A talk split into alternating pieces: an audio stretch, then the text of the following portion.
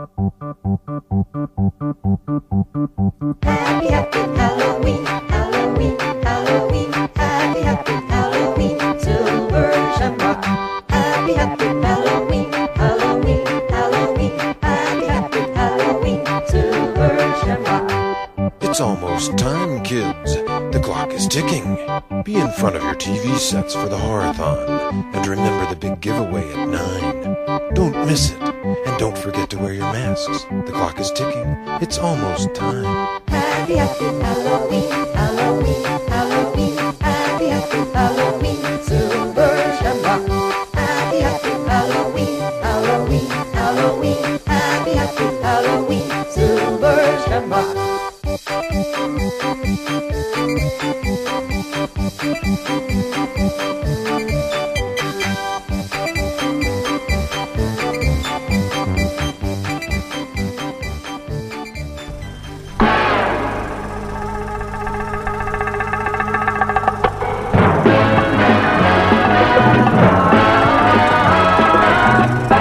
Comes to entertainment, you can't beat a good film.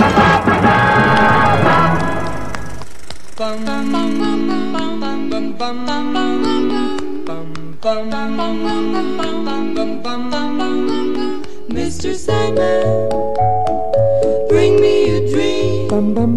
Make him the cutest that I've ever seen. Give him two lips roses and clover. Then tell him that his lonesome nights are over. Sandman, I'm so alone. Don't have nobody to call my own. Please turn on your magic beam. Mr. Sandman, bring me a dream. Bum bum bum bum bum bum bum bum bum bum bum bum bum bum bum bum bum bum bum Mr. Sandman, bring me a dream. Make him the cutest that I've ever seen. Give him the word that I'm not a rover. Then tell him that his lonesome nights are over. Sandman, I'm so alone. Don't have nobody to call my own. Your magic beam. Mr. Sandman, bring me a dream. Bum bum bum bum bum bum bum bum bum bum bum bum. Hallo luisteraars, Vincent Brengen hier en welkom bij aflevering nummer 8.2 van Inglorious Rankers. De podcast waarin we persoonlijke rankings delen van franchises, acteurs, regisseurs, filmjaren, genres enzovoort. Vorige aflevering heb ik het eerste deel van mijn Halloween ranking met jullie gedeeld. En vandaag ga ik hiermee door en zal ik uiteindelijk mijn persoonlijke nummer 1 onthullen. Daarnaast zal ik ook aankondigen waar de volgende podcast over zal gaan. Eh, na onze intro hoorden jullie het nummer Mr. Sandman van de Cordettes. En deze classic komt veel terug in de delen van de Halloween franchise. Een best vrolijk nummer dat juist een upbeat stemming bij je teweeg brengt. Niet echt passend bij een horrorfilm, zou je misschien denken. En echter heeft het een griezelige, ironische betekenis. De eerste Halloween-film gaat natuurlijk over een teenager die hunkert naar een man die ze haar eigen man kan noemen. Make him the cutest that I ever seen. Mr. Sandman, I'm so alone. Don't have nobody to call my own. Uh, Laurie, de teenager, die zo hunkert naar een man, krijgt er een. Iemand die zich onherroepelijk aan haar verbindt en haar niet meer los zou laten. Echter is dit niet de cute guy from school, maar een maniacale seriemoordenaar. Dit geeft het nummer een heel wrange betekenis binnen deze franchise. Heel interessant. Voor onze intro hoorden jullie een heel ander thema, namelijk de Silver Shamrock jingle uit Halloween 3 Season of the Witch. De jingle die wordt gebruikt in de film om de verkoop van bepaalde Halloween-maskers te promoten en ervoor te zorgen dat zoveel mogelijk kinderen in Amerika op een exact gepland moment voor de televisie de maskers op hun hoofd zetten. Het is een irritant, catchy deuntje dat lang in je hoofd blijft hangen nadat je deze film hebt gezien. Uh, sommigen van jullie zullen in de jingle het alombekende London Bridge Has Fallen Down herkennen. En dit is meteen een mooi bruggetje naar het vervolg van de ranking. You don't really know much about Halloween. Witchcraft. The last great one took place 3,000 years ago when the hills ran red. Halloween. The dead might be looking in. Stop it! The world's going to change tonight, Doctor. Happy Halloween. Halloween 3. Season of the Witch. The night no one comes home. Rated R. Now playing at a theater near you. Mijn nummer 5 is De Vreemde Eend in de Bijt. Halloween 3 Season of the Witch.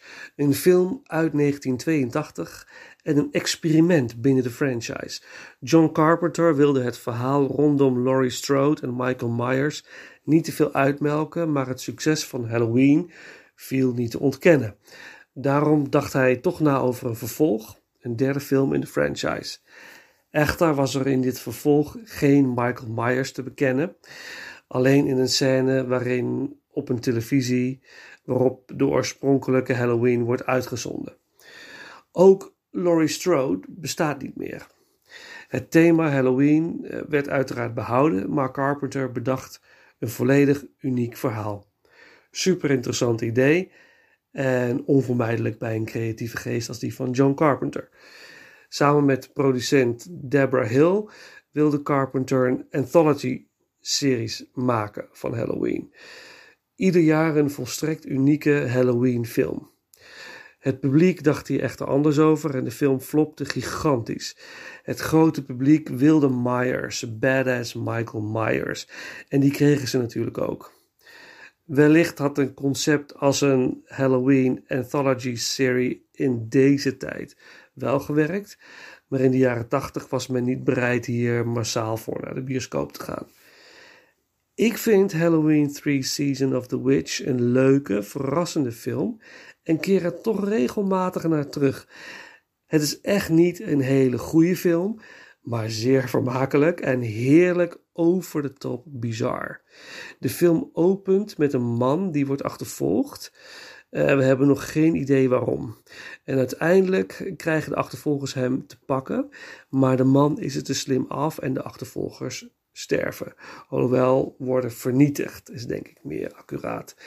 De man zelf wordt zwaar gewond naar het ziekenhuis gebracht en al snel wordt hij gevonden door iets of iemand die er ongeveer hetzelfde uitziet als de eerdere achtervolgers en de man wordt vermoord op beestachtige wijze, echt horrifying.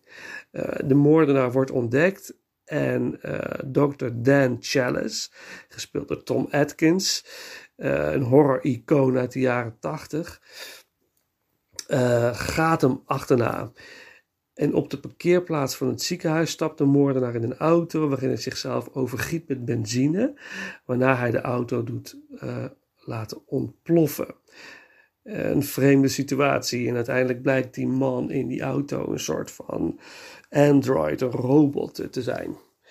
Dr. Dan Chalice ontpopt zich heel ongeloofwaardig, maar geweldig als een echte investigator en dat wordt nog meer versterkt wanneer de bloedmooie dochter van de vermoorde man ten tonele verschijnt en wil weten wat er met haar vader is gebeurd. Uh, de gescheiden Dr. Dan Chalice laat het weekend met zijn kinderen schieten om met de mooie Ellie Grimbridge, uh, zoals de mooie dame heet, uh, op pad te gaan en op onderzoek uit te gaan. wat is hier nou in godsnaam aan de hand? De vader van Ellie had een winkel met feestartikelen, een winkel die zijn deuren bijna moest sluiten. En in zijn agenda ontdekken ze dat hij vlak voor zijn dood Halloween-maskers moest ophalen bij een fabriek in Santa Mira, een fabriek genaamd Silver Shamrock.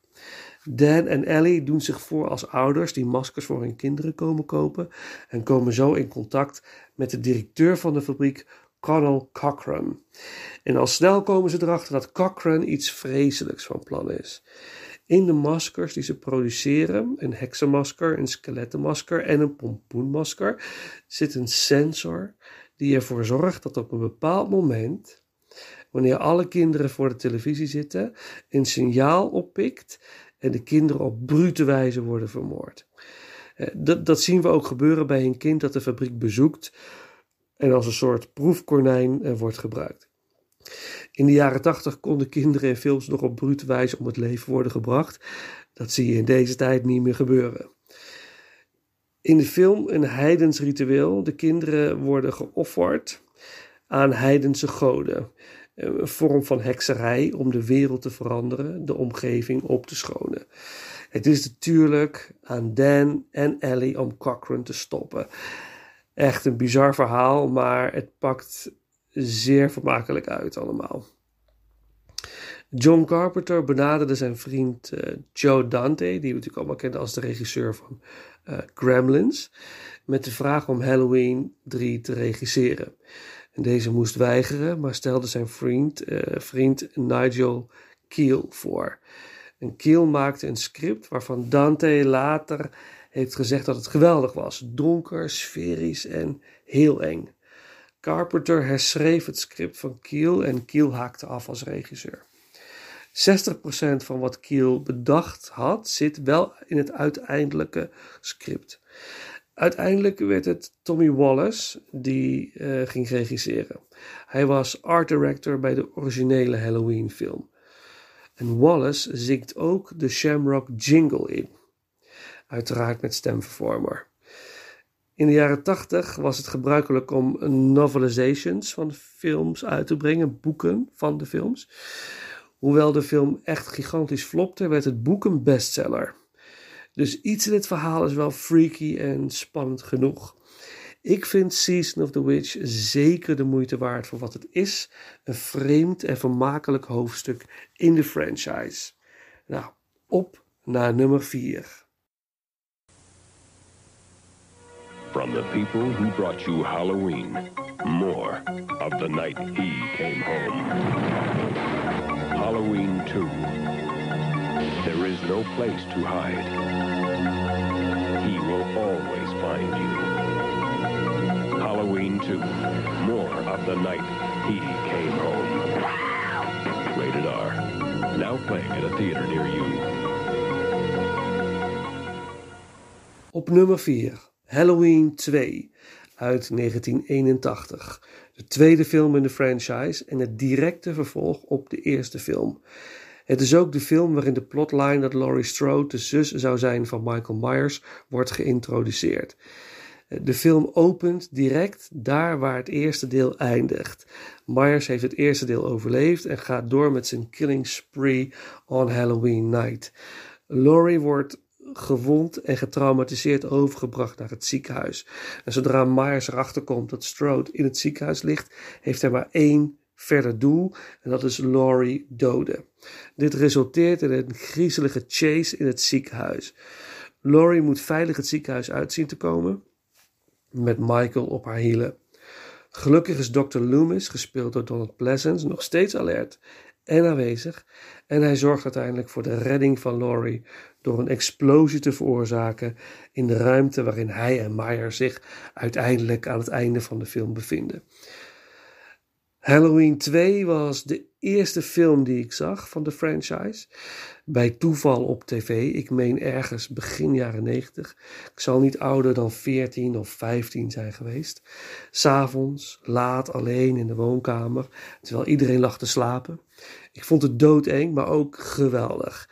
Het claustrofobische gevoel wat de film gedeeltelijk teweeg brengt door het voor een groot deel op één locatie te laten plaatsvinden, was voor mij destijds nieuw. Lange tijd was Halloween 2 een van mijn favoriete horrorfilms. Totdat ik meer van de franchise ging bekijken. Hij is wat gedaald in de ranking, maar ik kijk nog steeds met veel plezier naar deze film. Natuurlijk speelt nostalgie hierbij ook een grote rol, maar wat is er mis met nostalgie? In deze tweede Halloween-film zien we Jamie Lee Curtis terug als Laurie Strode en de al eerder genoemde Donald Pleasence in de rol van Dr. Loomis. Ik vind het wel gaaf dat de film direct wordt opgepakt waar deel 1 eindigde. Maar dat was niet het eerste plan. Carpenter's afhankelijke idee was om de film een aantal jaren later te laten afspelen. En Laurie Strode woont in een groot appartementencomplex dan en Myers komt haar op het spoor. En vervolgens ontstaat er een kat-en-muisspel in het complex. Ook een idee uh, om het vrijwel op één locatie te laten plaatsvinden, maar dat wordt uiteindelijk het Haddonfield Hospital. John Carpenter wilde de sequel niet regisseren. Hij wilde niet voor een tweede keer eenzelfde soort film maken volgens een gelijk concept. Hij benaderde Tommy Lee Wallace, die weigerde, eh, maar uiteindelijk wel de derde film zou regisseren. Nadat Carpenter de korte film Toyer zag, koos hij voor de regisseur van die film, Rick Rosenthal, een vrij onervaren regisseur die tot dan toe alleen korte films en tv-werk op zijn naam had staan. Rosenthal heeft echt zijn best gedaan om de feel van de eerste film door te trekken in het vervolg. geen simpele taak voor een beginnend regisseur. Het idee van Rosenthal was om de film meer een thrillergevoel te geven dan dat van een slasher. Uiteindelijk met bemoeienis van producent Mustafa Akkad en Carpenter zijn er aanpassingen gemaakt. En Carpenter heeft zelfs een aantal scènes opnieuw geregisseerd en er wat meer gore en naakt aan toegevoegd, waardoor het slashergehalte toch verhoogd werd. Dit met het idee dat het meer aan zou slaan bij het publiek. En dat bleek waar, want de film bracht alleen al in Amerika ruim 25 miljoen dollar op. En dat is voor die tijd aardig wat. En dit met een budget van 7 miljoen. Rosenthal zelf vindt dat Carpenter zijn zorgvuldig gemaakte film heeft verpest met de toevoegingen. Dit maakt nieuwsgierig naar de oorspronkelijke Rosenthal-versie natuurlijk. Een griezelig gevolg van Halloween 2 is de moord uh, door Richard Delmer Boyer op een oud echtpaar in Californië. Hij stak hen 43 keer. Boyer gaf, last gaf aan last te hebben van hallucinaties door de film Halloween 2. Hij heeft de film uh, klaarblijkelijk gekeken onder invloed van marihuana, alcohol en andere drugs en is toen losgeslagen tekeer gegaan.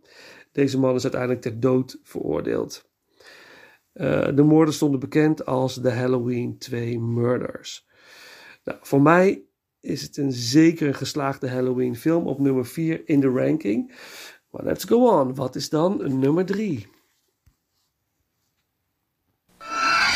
A secluded private school. We could have a Halloween party. A roaming orgy. I love the way this man thinks. Four students are about to learn. I'm not who you think I am. Their teacher's terrifying secret. Who is that? My brother. Michael! This summer, terror won't be taking a vacation. Halloween H2O. Oh my god. Rated R starts Wednesday at theaters everywhere. Op nummer 3. De film na deel 6, The Curse of Michael Myers, die alle sequels negeert en eigenlijk een direct vervolg is op de eerste Halloween-film. Twintig jaar later gemaakt, in 1998, Halloween H2O 20 Years Later. En Jamie Lee Curtis is terug als Laurie Strode. Donald Pleasence was op dat moment niet meer onder ons, waardoor Dr. Loomis niet terugkeert. De film speelt zich ook 20 jaar na de eerste film af. Zelfs Halloween 2 wordt genegeerd. Dus ook de hele plotlijn waarin wordt beweerd dat Laurie Strode de zus is van Michael Myers. Er zit zelfs een stukje dialoog in de film waarin dat kort wordt benoemd. Een van de karakters zegt iets in de trant van: men, men zegt toch dat jouw moeder de zus is van Michael Myers? Het antwoord is dan: nee, dat is een verzonnen verhaal. Dus als we teruggaan naar het einde van deel 1 weten we dat Myers aan het einde spoorloos verdwijnt en dat er 20 jaar lang dus niks van hem is vernomen. Laurie Strode werkt 20 jaar later onder een valse naam als hoofd van een private school. Um, ze is zwaar getraumatiseerd en dat komt natuurlijk vooral tot uiting rondom Halloween. Haar zoon is een tiener die zijn moeder ondersteunt waar hij kan. En Laurie blijft bang dat Michael haar ooit zal vinden en zijn klus zal afmaken. Vandaar ook uh, de verandering van naam. Haar zoon wil het liefst samen met zijn klasgenoten Halloween gaan vieren buiten de muren van de privéschool. Maar dat mag absoluut niet van moeder, die natuurlijk als de dood is, dat haar zoon iets zal overkomen. Dat veroorzaakt spanningen tussen moeder en zoon. Uiteindelijk viert zoon met drie vrienden Halloween binnen de muren van het terrein van de school. En wat onopgemerkt gebeurt, is het naar binnen glippen van Michael Myers. Hij is op het spoor gekomen van Laurie door in te breken bij een verpleegster die verantwoordelijk was voor de zorg van Dr. Loomis, die inmiddels overleden is. Myers vermoordt de verpleegster bruut en vindt het dossier van Laurie Strode en de gegevens van haar schuiladres. Myers gaat op jacht op het terrein van de school, vindt als eerste de vrienden van de zoon van Strode en vervolgens Laurie zelf. Wat volgt is een spannend kat-en-muisspel, wat resulteert in een spectaculair einde, waarin Laurie definitief een einde maakt aan uh, Myers door uh, zijn hoofd af te hakken. Wat helaas vreselijk verpest wordt door het idiote vervolg Halloween Resurrection. Maar daar heb ik het in de vorige aflevering al uitgebreid over gehad. Maar goed, binnen deze film is het een perfecte afsluiting. Halloween H2O is een van mijn favoriete Halloween films. Ik vind de film erg boeiend. En zeker bij de eerste keer kijken best wel spannend. Jamie Lee Curtis is goed op dreef in deze film. En LL Cool J is als security guard echt een respectabele comic relief. Duizend keer beter dan Busta Rhymes in Halloween Resurrection. We zien ook een hele jonge Josh Hartnett en een jonge Michelle Williams. Het idee van Jamie Lee Curtis was om zoveel mogelijk van de oorspronkelijke crew van de eerste film te laten terugbrengen om deze sequel uh, te maken. Uh, John Carpenter zou zelfs gaan regisseren. En hij wilde 10 miljoen dollar voor deze klus, aangezien hij vrijwel niets had verdiend aan de original uit 1978. En dan zag hij dit dus als een mooie compensatie. Dat zorgde voor een conflict met producent Mustafa Akkad en Carpenter heeft zich vervolgens teruggetrokken. Uh, de film is uiteindelijk geregisseerd door Steve Miner, ook geen bekende binnen het genre. Hij regisseerde onder andere Friday the 13th, Part 2 en 3, House uit de jaren 80, Warlock en heeft ook natuurlijk heel veel tv-werk gedaan. De film heeft niet de feel van de eerste film en dat is misschien ook wel goed. Dus geen herhaling in die zin. Ik hou erg van film soundtracks. En ik vind de soundtrack van deze film wel noemenswaardig. Uh, John Ottman um, heeft het Halloween thema geschreven, uh, bewerkt eigenlijk, door het, het geschreven. Nou, even, John Ottman heeft het Halloween thema geschreven door John Carpenter, opnieuw orkestraal bewerkt. En dat vind ik wel erg gaaf. En deze aflevering zal ik dan ook afsluiten met dat specifieke thema. Maar goed, op naar nummer 2.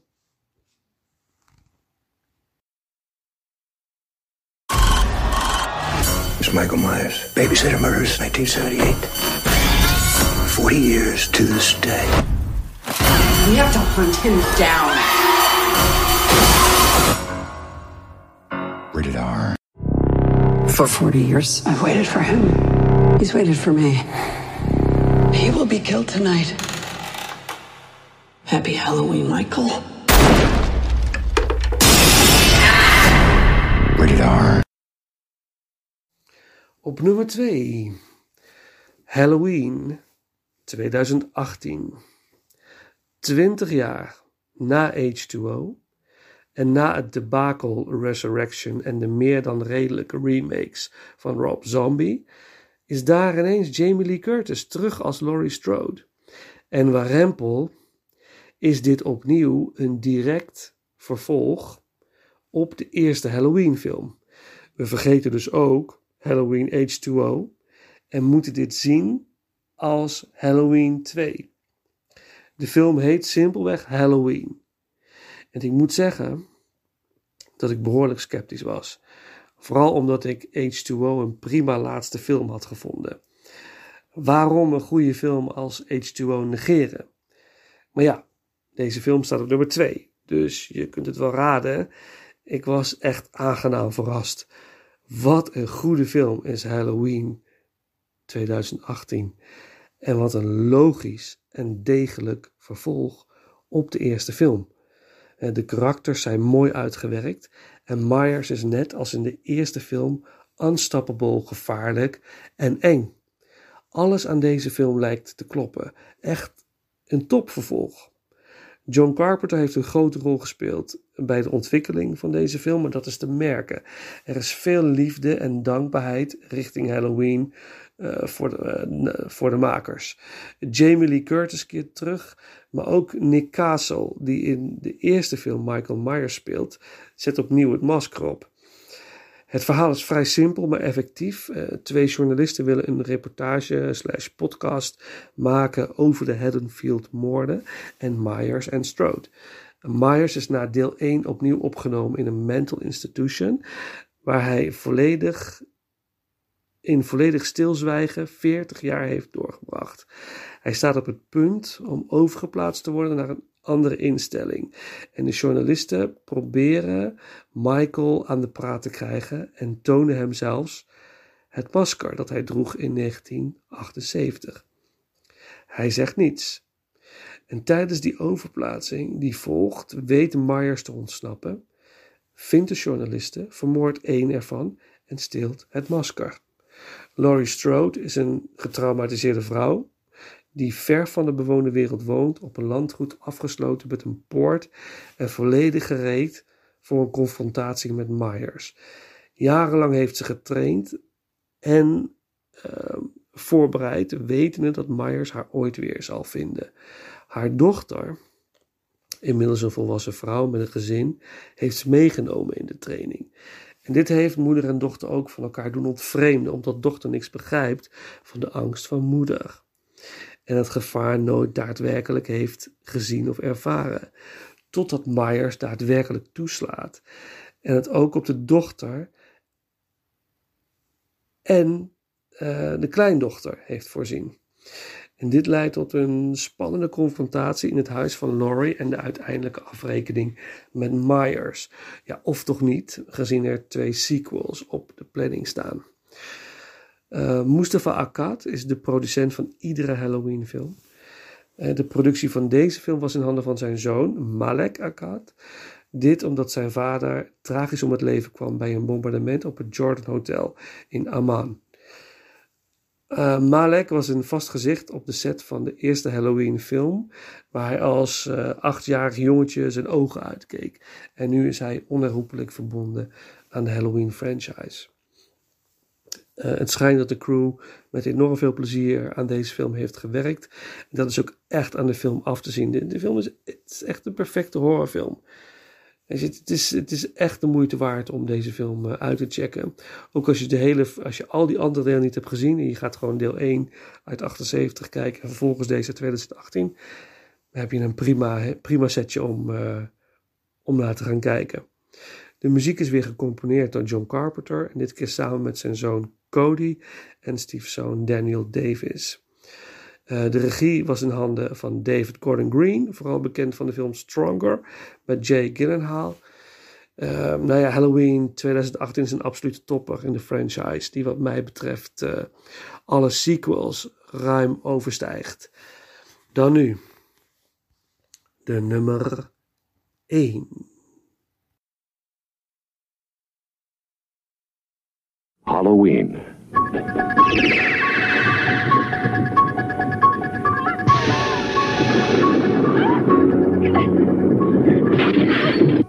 I think he'll come back.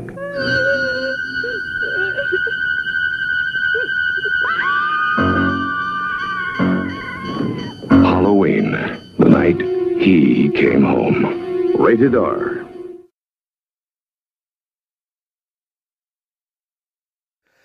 Niet geheel onverwacht natuurlijk, maar de absolute nummer 1 is de eerste Halloween-film uit 1978. Het is misschien cliché om de eerste film als de beste te beschouwen, maar naar mijn mening topt geen enkele film in de franchise tot dusver het origineel uit 1978. Nu nog, in deze tijd, weet deze film me de stuip op het lijf te jagen. Ook al heb ik hem meerdere malen gezien. Waar zit hem dat dan in? Nou ja, over het verhaal kunnen we het kort hebben. In aflevering 1 heb ik de basis al uitgelegd en ook al heel veel verteld over de, de geschiedenis voorafgaand aan deze film. Het verhaal, kind uh, Michael Myers vermoordt zijn oudere zus op beestachtige wijze op Halloween night, komt in een gesloten instelling terecht, weet jaren later te ontsnappen en keert terug naar woonplaats Haddonfield en zet een avond in van moorden. Hij is niet te stoppen en bruut. Uiteindelijk heeft, heeft hij het gemunt op Laurie Strode, die steeds van hem weet te ontsnappen, maar Myers geeft niet op.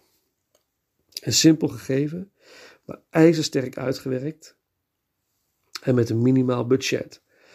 Halloween gaf een nieuwe impuls aan het horrorgenre. Dus waarom is deze film nog steeds zo spannend? Dat heeft alles te maken met, met sfeer en zogenaamde camera angles. In de eerste helft van de film stalkt Myers Strode in, uh, in Haddonfield. We weten inmiddels dat deze man gevaarlijk is en het gemunt heeft op Laurie. Maar we weten niet, eh, als je de film voor het eerst ziet, wanneer hij zal toeslaan. En Carpenter maakt veel gebruik van long shots. Als voorbeeld, wanneer Laurie met haar vriendinnen of zonder vriendinnen over straat loopt, wordt er niet gelijk ingezoomd ook al is er dialoog. Dat is wat je vrij vaak ziet in films. Dan komt iemand aangelopen op straat en boef, we gaan gelijk naar een close shot. En we zien iemand praten. Of we horen dat dialoog heel duidelijk. In de long shots in Halloween zie je mensen aankomen lopen. Je, je hoort wel iets van een conversatie. Maar het is niet duidelijk wat ze nou precies zeggen. En je ziet wel de hele omgeving waarin ze lopen. Je krijgt een breder perspectief en houdt eigenlijk bewust of onbewust het hele beeld in de gaten. En achter iedere struik, achter ieder muurtje zou Myers zich kunnen bevinden. En op een gegeven moment is hij dat ook. Dan staat hij ineens achter een soort heg, staat hij te kijken. En dat is, ja, dus je, je, blijft op je hoede. De hele film door blijf je op je hoede door dit soort camerawerk. Eh, ook het gebruik van first person uh, shooting, weet je, dus dat de camera laat zien wat Myers ziet, uh, wordt heel effectief gebruikt. En daarbij uh, het gebruik van kleur en, en die haunting filmmuziek simpel en doeltreffend. En wat Halloween ook effectief maakt, is het idee dat het kwaad niet gedood kan worden.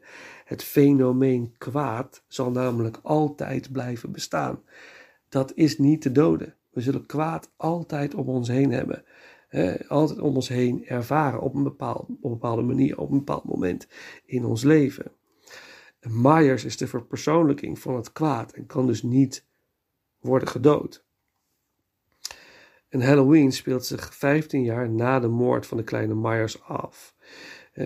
En in Haddonfield zijn de moorden wel bekend en staat het huis van de Myers er nog, al dan niet leeg. En iedereen weet ervan, maar het is geschiedenis. Iedereen waant zich veilig. Maar dan ineens keert dat kwaad terug en dan compleet onverwacht. Stel je voor dat je zoiets in real life meemaakt. Dat is natuurlijk doodeng. Oorspronkelijk was het idee om de film te laten afspelen in meerdere dagen, leidend naar Halloween. En zou de film oorspronkelijk The Babysitter Murders heten. Gelukkig hebben ze dat teruggebracht naar één dag, uitsluitend um, op Halloween. John Carpenter heeft aangegeven sterk te zijn beïnvloed door Alfred Hitchcock. Dat is goed te merken aan de manier waarop de spanning in deze film wordt opgebouwd. Een andere hommage aan Hitchcock is het casten van Jamie Lee Curtis als Laurie Strode. Want de moeder van Curtis, Janet Lee, is de vrouw in de beroemde douche-scène uit Psycho. En natuurlijk draagt de geweldige acteerprestatie van Donald Pleasence als Dr. Loomis bij aan het succes van de film. Horror-iconen Peter Cushing en Christopher Lee waren aanvankelijk benaderd voor de rol, maar weigerden vanwege een te lage gage. Christopher Lee heeft later openlijk verklaard dat, hij, dat het weigeren van deze rol een van de grootste vergissingen in zijn carrière was. Pleasant accepteerde de rol wel, maar gaf aan bij de eerste ontmoeting met John Carpenter: I don't know why I'm in this movie, and I don't know who my character is. The only reason I'm doing this movie is because I have alimony to pay. And my daughter in England is in a rock and roll group. And she said the music that you did for Assault on Precinct 13 is cool. De samenwerking met Pleasance bleek uiteindelijk heel goed te zijn. En we weten allemaal wat dat voor gevolgen heeft gehad voor Pleasance. Ik heb al veel gezegd over deze film. Uh, voor mij een favoriet. Een van de beste horrorfilms ooit gemaakt. En zeker de beste in de Halloween franchise. Uh, dus mocht je luisteren, je hebt nog nooit de Halloween films gezien. Ik zou zeggen, het is zeker de moeite waard. Alle films, met uitzondering van Halloween Resurrection, zijn op zich de moeite waard om te bekijken. Ze zijn allemaal onderhoudend. Uh, met natuurlijk een aantal uitschieters. Uh, voor mij is dat uh, deze film Halloween uit 1978, Halloween uit 2018 en Halloween H2O. En natuurlijk ook wel een beetje Halloween 2 uit 81. Goed, maar deze nummer 1 brengt mij aan het einde van deze aflevering van Inglorious Rankers. Wil je nog meer weten over de Halloween franchise? Raad ik graag de documentaire Halloween Unmasked aan. En volgens mij is deze ook te vinden op YouTube. De volgende aflevering zal ook bestaan uit twee delen. En ik ga het dan hebben over Sylvester Stallone. Iemand met een groot bestand aan films. En voor deze afleveringen zal ik me beperken tot de films die Stallone maakte als acteur in de jaren 80, zijn gloriejaren. Dus ranking 80s Stallone. Wat zijn jouw favoriete Stallone films uit de jaren 80? Of wat is jouw ranking van deze film? Laat het me weten via Facebook, Instagram of stuur een mailtje naar ingloriousrankers.gmail.com. Voor nu bedankt voor het luisteren en mocht je het leuk hebben gevonden, laat dan een review voor ons achter. En dan kunnen nieuwe luisteraars ons makkelijker vinden. Lieve mensen, bedankt voor het luisteren nogmaals en tot de volgende ronde.